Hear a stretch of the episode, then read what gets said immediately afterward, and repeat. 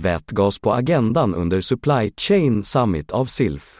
År 2030 planeras nya vätgasdrivna Gotlandsfärjor att vara i drift, vilka kommer behöva 40 till 50 000 ton grön vätgas årligen. För närvarande finns inga system för försörjning av sådana mängder grön vätgas.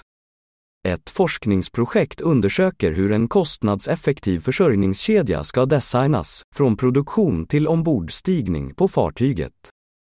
Flera tekniska, ekonomiska och regulatoriska utmaningar finns i detta system. Björn Samuelsson har erfarenhet både från industri och akademi. Efter att ha arbetat med försörjningskedjor på Linde Gas i 15 år återvände han till den akademiska världen.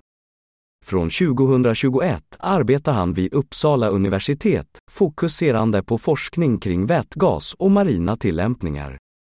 Björn Samuelsson är en av flera intressanta talare på Supply Chain Summit av SILF den 9 november i Stockholm.